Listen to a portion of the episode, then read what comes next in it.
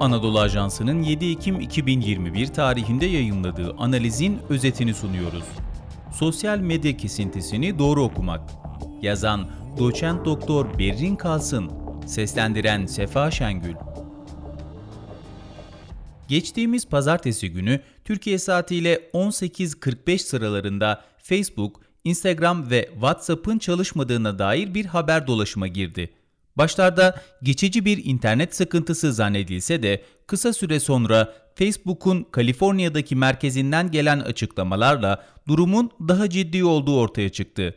New York Times'ın teknoloji muhabiri Shira Frankel, BBC'ye yaptığı açıklamada sorunun çözümünün uzun sürmesinin başlıca nedenlerinden birinin çözüme yönelik çalışma yapacak insanların binaya fiziki olarak girememesinden kaynaklandığını dile getirdi. Bu süre zarfında Twitter'da uzunca bir süre trend topik olan bu platformlarla ilgili komplo teorileri dolaşıma girdi. Kesintinin bir yazılım hatasından mı, bir grup hacker saldırısından mı kaynaklandığı yoksa bilinçli olarak Facebook tarafından mı yapıldığı henüz net olarak bilinmiyor.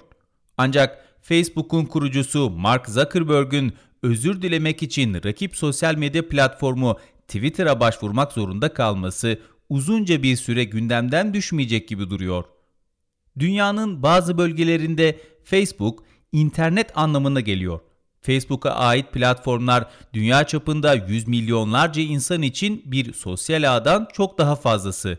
Bu mecralar iletişim araçları olmanın çok ötesinde birer e-ticaret kaynağı veya vitrin olarak kullanılıyor. Öyle ki 2020 yılında WhatsApp dünya çapında 50 milyon ticari işletmenin iş uygulamasını kullandığını iddia etmişti. Dolayısıyla Facebook grubu bugün birçok girişimci ve profesyonelin müşterilerle tanışma ve iletişim kurma şekli olarak kabul görüyor.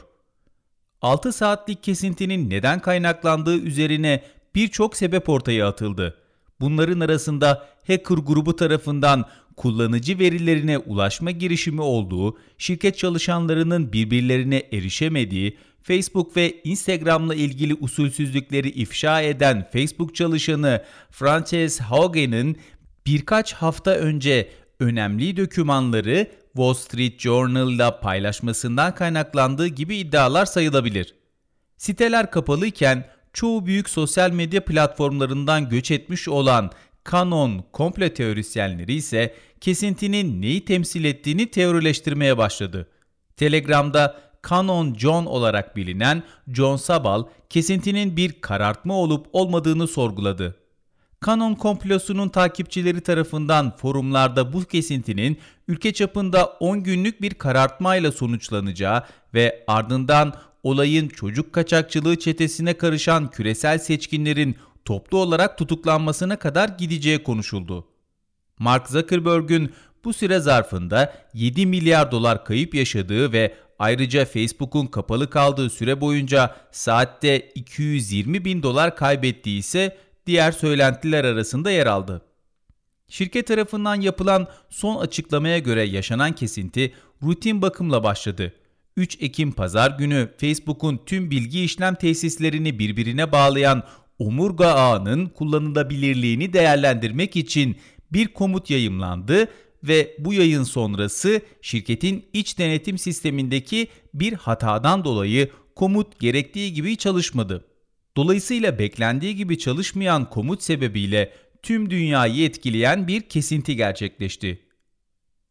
Hogan etkisi Facebook'un nefret söylemini ve yanlış içeriği bariz şekilde teşvik ettiğini dile getiren eski Facebook çalışanı Hogan'a göre şirket güvenlik yerine karı seçerek astronomik karlarını insanlardan daha önemli görüyor.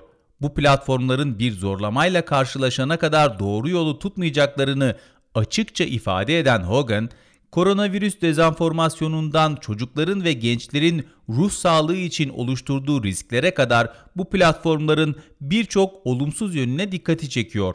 Instagram'ın gerçekçi olmayan güzellik standartları yaratarak gençlerin özgüvenlerini etkilediğini belirten Hogan, milletvekillerine verdiği demeçte Facebook'ta yapılan seçimler çocuklarımız, kamu güvenliğimiz, mahremiyet ve demokrasimiz için bir felaket İşte bu yüzden Facebook'ta değişiklik talep etmeliyiz şeklindeki açıklamalarıyla dikkati çekti.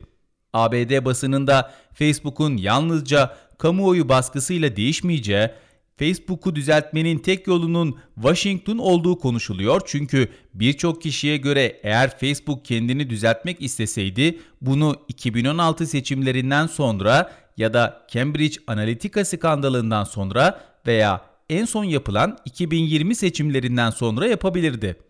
Ama bunun aksine Facebook'un nefret söylemini düzenleme konusunda giderek daha isteksiz olduğu gözlemleniyor. Wall Street Journal'a sunulan belgeler Instagram'da gençler arasında gitgide kötüleşen beden imajı sorunları dahil olmak üzere Facebook'un somut zararlarını tüyler ürpertici kanıtlarla gün yüzüne çıkartıyor. Şimdi merak edilense Beyaz Saray'ın artık bu konuda bir şey yapıp yapmayacağı. Buna karşılık Facebook ise toplumdaki eğilimleri yansıtan bir ayna olduğunu iddia ediyor. Evet, öfke, şiddet veya nefret insanlık için yeni duygular değil. Fakat son yıllarda sosyal medya tüm bu duygulardan fazlasıyla yararlandı. Bu gidişle Facebook algoritmalarının kötü toplumsal eğilimleri güçlendirdiğini, ön yargıyı, öfkeyi ve şiddet eğilimini yaydığını kabul etmeyecek. Bu algoritmalar müdahale edilmediği sürece bizi zehirlemeye devam edecek. Spotify, Apple Podcast ve diğer uygulamalar. Bizi hangi mecradan dinliyorsanız lütfen abone olmayı unutmayın.